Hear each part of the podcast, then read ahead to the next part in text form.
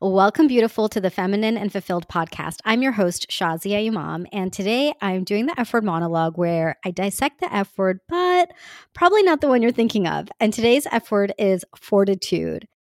This is literally uh, the perfect word for what I'm going to share with you today because I am going to share a story with you of one of the hardest things I've ever done physically. And as always, there is a very, very powerful lesson and one that really left me thinking for weeks after it happened that I decided I'm going to make a whole entire episode about it. A few weeks ago, a few months at this point, I took a client out on a VIP day. Her weekend was all about getting away from everything. So we went into the mountains, we went to Lake Arrowhead out in Southern California. Part of the whole getaway was to go experience nature as well. So I take my clients out on these VIP experiences, which is an opportunity to really experience what their soul is craving. So it can be anywhere from a retreat up in the mountains to a five star resort to skydiving, if you listen to my episode about that, to whitewater rafting, hang gliding, zip lining.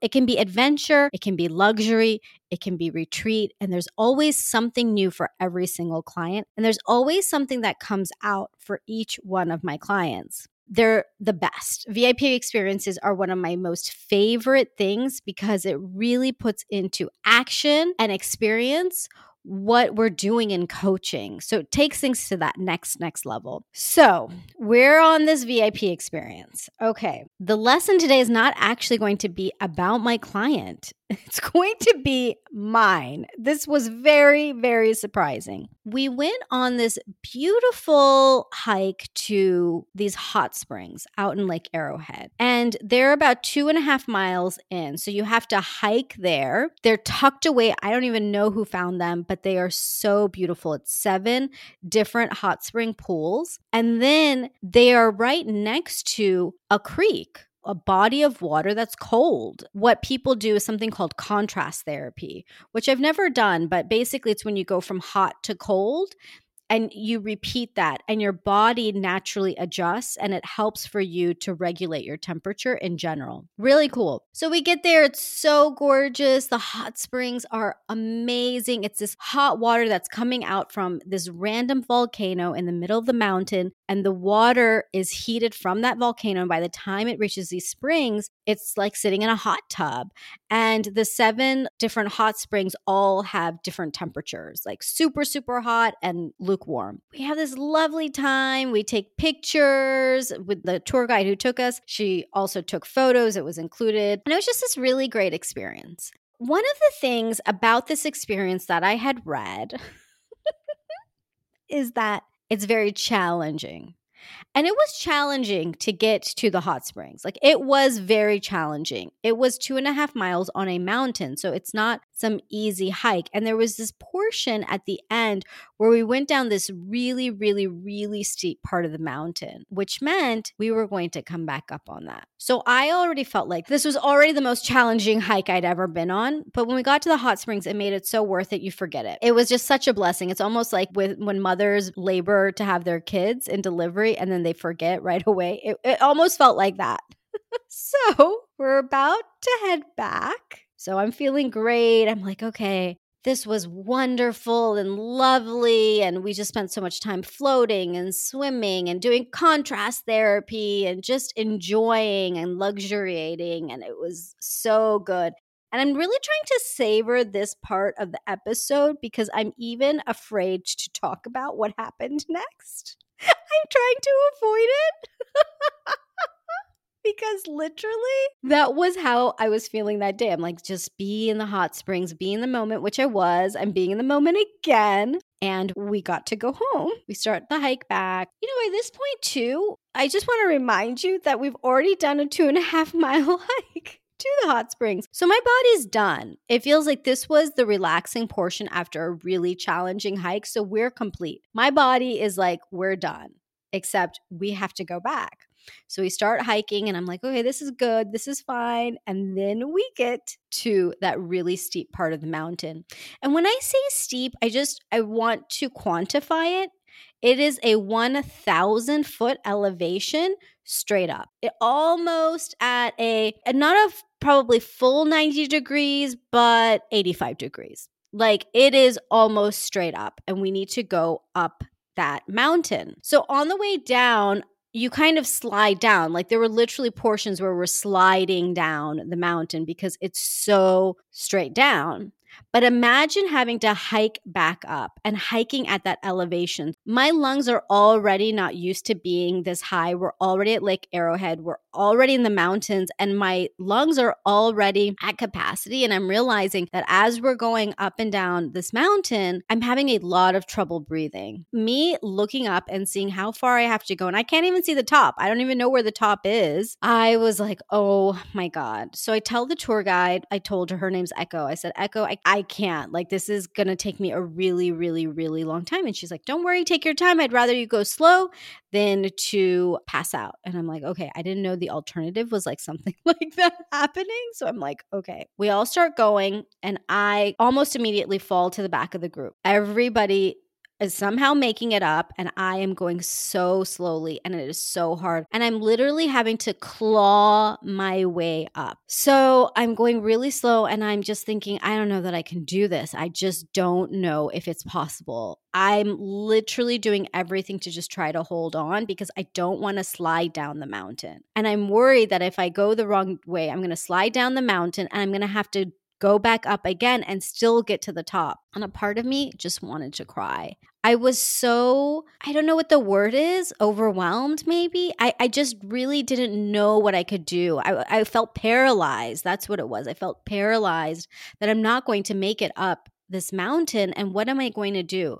Because the only way back home is up this mountain as we had been hiking earlier, I just kept t- telling my client, we can do hard things. We can do hard things. I just kept trying to convince myself. And ironically, my client had already done this before. That that's a whole different story, but she had actually done this, so she knew what was coming up. She told me later she was more prepared because she was able to go up this time like it was still difficult, but she was able to do it. And I felt like the way she had felt the first time when she had described it to me. And so at this point on the mountain, and I'm literally frozen. I'm on all fours because I'm like holding on to one rock.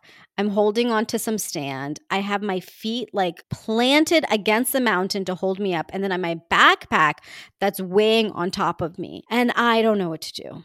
I literally don't know what to do. The whole group has gone up ahead. I'm by myself and I hear these two people coming from behind me. And I'm like, oh my God, oh my God. And here's the dialogue that's happening in my head. Okay, just let them pass. Just let them pass. And then you can go slowly. It's not a big deal. Oh my God, who cares what they think? I mean, I didn't even really care about that. But I knew that this was also the opportunity to do something that I really didn't want to do. But another voice in my head said, This is your only chance, Shazia. If they leave, there is nobody else coming. This is your only chance. And all of a sudden, I found myself literally taking one hand, putting it out as they were passing, and I said, I need help. And immediately, they both stopped and were like, "Sure, yeah, okay." And I and I was like, "Are you sure?" And the woman, other woman, she puts her hand down. She's like, "Yeah, here, grab my hand." And I'm like, are you sure? And I'm feeling embarrassed. I'm feeling hopeless, overwhelmed. I'm feeling so many things. I'm feeling exhausted. And I'm still feeling like a people pleaser who has to take care of everything where I'm like, Are you sure? No, I feel so bad. And then she's like, Yes, grab my hand. So I grab her hand. They get me back up. I'm able to stand back up on my two feet, get my bearing straight. She's like, Do you want your water? And I was like, Yes, please. So she gives me my water, like literally pulls it from my backpack because it's sitting on my back in the backpack. She gets it out. She opens it up. She gives it to me. I take a swig of water and I, for a moment, feel this sense of relief. And I'm like, thank you so much. Thank you so much. I really appreciate you guys stopping here and I'm okay. You guys go ahead. I'm going to be really, really slow. And they were like, no, no worries. We'll stay with you. It was these two women. And I was like, oh, no, no. See, it's coming out again. I don't like asking for help in this way. I just don't. I have a feeling you probably relate to this. where you probably don't like asking for help either. I definitely don't. I am the kind of person who, if I get lost, I don't want to ask for directions because I want to figure it out. so here I am being like, I don't want to ask for help. I feel bad. I don't want to be a burden. I don't want to cause anybody an inconvenience. I don't want to be in my strength or not be in my strength. All this stuff is happening. And they were just like, no, we're good we're here. We have no rush. And I was like, Are you sure? And they're like, Yes. And a part of me was like, Okay, well, that'll help. I was like, Okay. So slowly we go up the mountain. There were a lot of stops, a ton of stops, actually. And every time I would stop, they would like sit there with me or stand there, give me my water. I mean, I literally, it was like I ended up with a concierge service on this mountain. And of course, we ended up connecting. They were the sweetest. It turned out to be two women who had met in their in their graduate program and they were reconnecting because they both enjoy it's called trail running where you run on a trail. It's so cool. So they they have that common connection and so they were meeting up in california. And so i got to know both of them and they were just really incredible women so sweet so thoughtful so caring and loving. They gave me such a gift by being with me in that moment. And I'm so grateful to them because they didn't have to do that at all. They could have been like, okay, you're good. Okay, yep, see you later. And then they wouldn't have known. And I would have just maybe broken down crying in the middle of the mountain by myself. I'm not sure. And of course, my group was up ahead. It's not as though they would leave me, but I also felt this pressure that I had to meet them. Like I had to rush because they're waiting.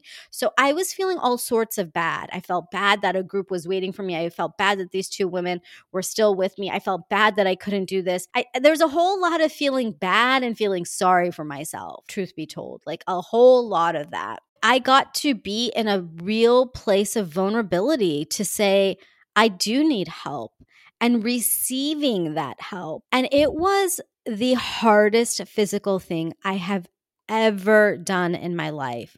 Ever. Are there hard things I've dealt with emotionally? Yes. Energetically? Yes. But physically, I've never been this challenged in my life. It was endurance, it was the capacity of my lungs, it was strength. I mean, it was all of the things. Of course, I made it. I would not be recording if I didn't make it. But we get to the top, and I took a picture with them and just really thanked them. I feel like they were my guardian angels that were sent. And that's the deepest lesson that I want to share here. Of course, I want to share about asking for help and receiving help, but I want to talk about it in this deeper way where I really do believe that they were guardian angels sent to me because in that moment where I was so paralyzed, it's almost as though an SOS went out to the divine and said, I need help. I think I said I need help in my heart before I said it out loud. The divine sent these two amazing women, these two angels. And then that's where it became my responsibility to ask for the help,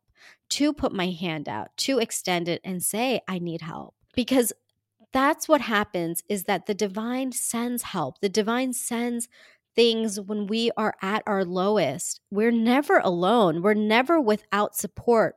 But do we see it? Do we notice it? Do we go for it? When the help comes. This is one of the hardest things I believe as women that it's one of the hardest things for us to receive. It's one of the hardest things to to ask for help and then to receive. We oftentimes think about men and you know I gave the example earlier about not wanting to ask directions and that's such a like quote unquote guy thing. But really women generally speaking, we take on so much and we feel like we have to carry the burden. We feel like we have to do it. We have to succeed. We have that pressure to get to the top of the mountain no matter what it takes. And we have the added pressure of, oh, well, there's people waiting at the top. So let me not inconvenience them and let me get there and let me, let me hurt myself in the process to make it. Even as I thought about breaking down to cry, I, I wouldn't have wanted anybody to see me cry. I felt ashamed of that. So many feelings coming up, so many analogies to how I live life. And so I really reflected on this big lesson I was taught from this hike. And that is, I can do hard things with support. and that I get to ask for support because by the time I got to the top, oh man, did I feel like I made it. Yes, I did. I was like, oh my God, I did it. I will never do that again, but I made it. I made it.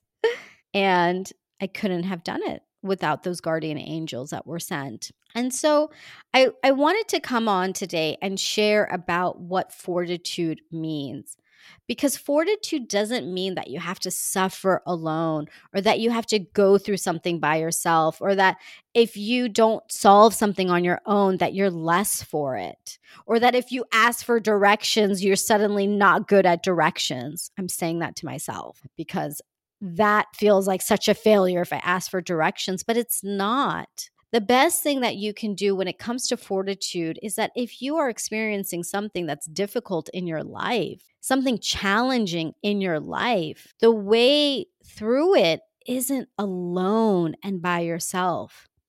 There is so much support around you.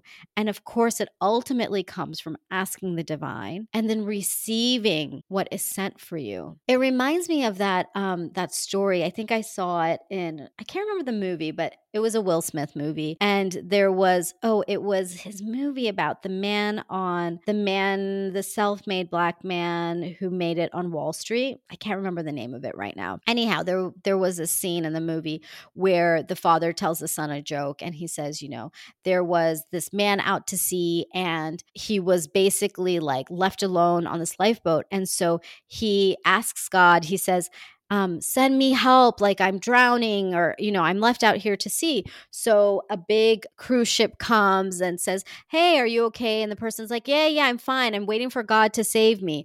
And then another boat comes out and is like, Hey, do you need help? And uh, the, the person's like, No, no, no, I'm good. I'm, I'm just waiting for God to save me. And then eventually the man drowns. And when he meets God, he says, Why didn't you send me any help? And God's like, I did, and you kept refusing it. So that's on you.